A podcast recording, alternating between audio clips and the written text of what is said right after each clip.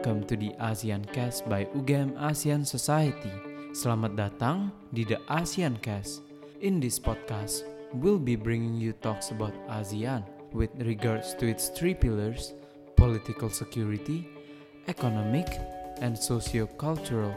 We'll be featuring academicians, policymakers, as well as other stakeholders to talk with us and share their insights about ASEAN.